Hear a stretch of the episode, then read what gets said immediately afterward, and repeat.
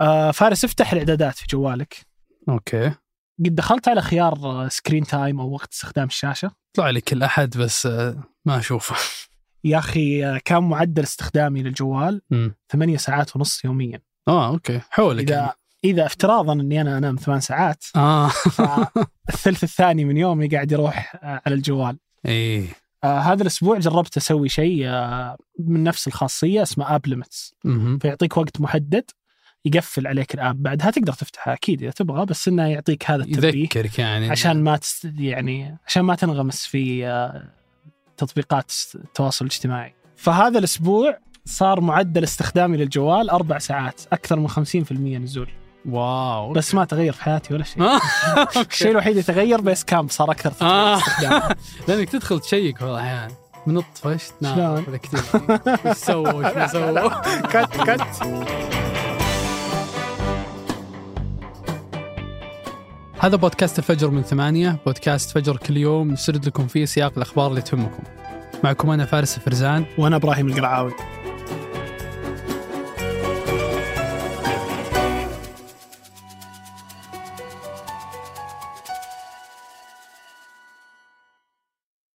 قهوة الصباح وأجود محاصيل البن المختص تلاقيها في خطوة جمل.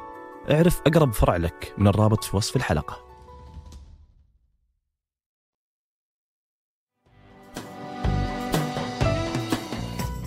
أطلقت منصة إكس أو تويتر سابقا ميزة التوظيف بشكل تجريبي بحيث تمكن الشركات من الإعلان عن الوظائف الشاغرة ويقدرون المستخدمين يشوفونها ويبحثون عنها داخل المنصة مثل أي منصة توظيف ثانية. الميزة متاحة مجانا للحسابات الرسمية الموثقة الخاصة بالشركات والمؤسسات. وأطلقت إكس حساب جديد على المنصة لهذه الخدمة اسمه X Hiring. تحاول إكس تجذب فيه عملاء جدد في قطاع الأعمال للاشتراك في خدمتها المدفوعة X Premium. مع العلم أن سعر الاشتراك الشهري لحسابات المؤسسات الموثقة في X Premium يبلغ 1000 دولار شهريا إضافة إلى 50 دولار أخرى لكل حساب آخر تابع للشركة. وقالت المنصة أن جميع المؤسسات المشتركة في خدمتها المدفوعة تقدر الآن تسجل في قائمة الانتظار عشان توصل لها هذه الميزة الجديدة. وقالت إكس أنها راح تسمح للشركات بنشر خمس وظائف كحد أقصى كبداية لإطلاق هذه الخدمة. الخدمة حاليا متاحة بغرض التجربة لعدد محدود من الشركات مثل مؤسسة Workweek اللي بدأت تنشر الوظائف المتاحة عندها. دخول منصة إكس لقطاع التوظيف هو منافسة مباشرة مع منصة التوظيف لينكدين اللي تملكها شركة مايكروسوفت. يبلغ عدد مستخدمين لينكدين حوالي 930 مليون مستخدم بينما يبلغ عدد مستخدمين إكس 528 مليون مستخدم. صحيح أن التجربة مختلفة ما بين المنصتين فمنصة إكس ينظر لها على أنها شبكة اجتماعية إخبارية وحتى تصنيفها في متجر تطبيقات أبل يندرج تحت تصنيف الأخبار وليس التواصل الاجتماعي. لكن لينكدين تعرف عن نفسها أنها شبكة اجتماعية للمهنيين الباحثين عن التوظيف مما يعني أننا راح نشوف منافسة مباشرة بين المنصتين في الفترة القادمة. ودخول إكس لقطاع التوظيف كان معد له من وقت مبكر ففي بداية العام استحوذت إكس على منصة التوظيف عبر الإنترنت Laskie وكان أول استحواذ من المالك الجديد إيلون ماسك. ولا زالت منصة Laskie تعمل بشكل مستقل لكن متوقع أن إكس تدمجها في موقعها عند إطلاق الخدمة بشكلها الرسمي. اللي عزز هذا التنافس هو تعليق إيلون ماسك على منشور من أحد المستخدمين اللي كان يقول هل في شيء أسوأ من لينكدين؟ رد عليه إيلون ماسك وقال توصلني طلبات توظيف من روابط على لينكدين لكني ما أحب أستخدم هذه المنصة وأفضل استلام السيرة الذاتية على الإيميل. وهذا الرد يعكس نوايا إيلون ماسك اللي يفكر في المنافسة وتغيير تجربة المستخدم. وهذه مي بأول مرة يتم نسخ نموذج لينكدين في التوظيف. آخر مرة كانت شبكة توظيف Polywork اللي حصلت على جولات تمويل وعلى ثقة المستثمرين. كان الهدف من Polywork هو تبسيط سيرتك الذاتية والتركيز على الإنجازات اللي حققتها خلال مسيرتك الوظيفية. لأن المستخدمين أصبحوا يستثقلون لينكدين ويعتبرونها شبكة اجتماعية وليست مكان للتوظيف. تجربة إكس في التوظيف ما راح تكون سهلة لأن في حالة من الارتباط ما بين فصل الموظفين وما بين منشوراتهم السابقة على المنصة.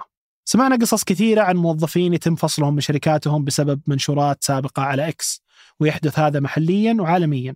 اليوم إكس عندها تحدي في تسهيل تجربة نشر الوظائف والتقديم عليها للمستخدم. من خلال ملف أعمال يوضح جدارته بالوظيفة وليس مجرد حساب يحتوي على منشورات قد تكون بعضها مضر للشركة اللي ينوي التقديم عليها.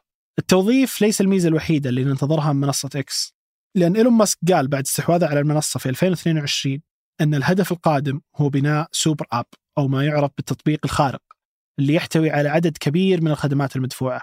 وهذا الأسبوع بدأت إكس تختبر ميزة مكالمات الصوت والفيديو اللي ممكن يتم الإعلان عنها لكل المستخدمين قريبا.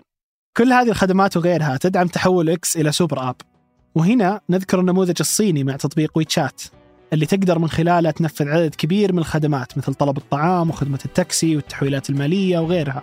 وممكن نشوف هذا كله وأكثر في إكس.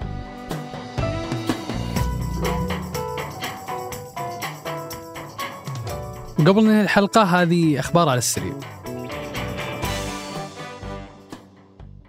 بعد خمس سنوات من إطلاق السعودية لاستراتيجية السياحة أعلنت وزارة السياحة يوم الجمعة أنها حققت فائض كبير في ميزان المدفوعات البند السفر. وصل الفائض 22.8 مليار ريال في الربع الأول من 2023 بعد ما كان في عجز وصل 1.6 مليار في الربع الأول من السنة اللي راحت.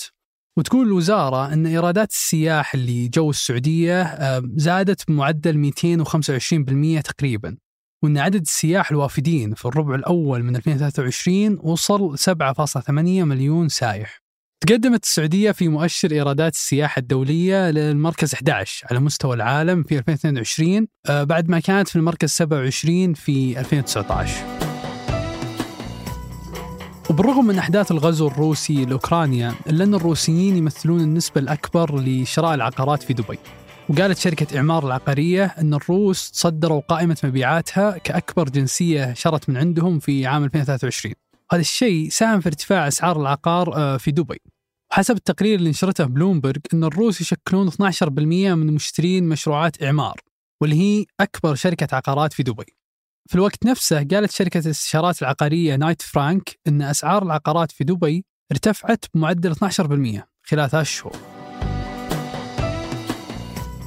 في الوقت اللي دول مجموعة العشرين تنتظر قمتها في الهند هذه السنة طلع المستشار الألماني أولاف شولتز وقال أن القمة مهمة حتى لو غابت روسيا والصين عن الحضور.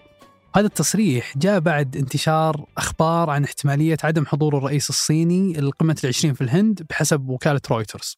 في نفس الوقت أعلنت روسيا أن مشاركتها في القمة بتكون آه، برئاسة وزير الخارجية وأن الرئيس الروسي بيكون مشغول بالأعمال العسكرية. وهذه الأحداث تصير في ظل توسع وانتشار لدول مجموعة بريكس اللي تقودها روسيا والصين واللي تعطي إشارة أنهم يشوفونها أولوية على مجموعة دول العشرين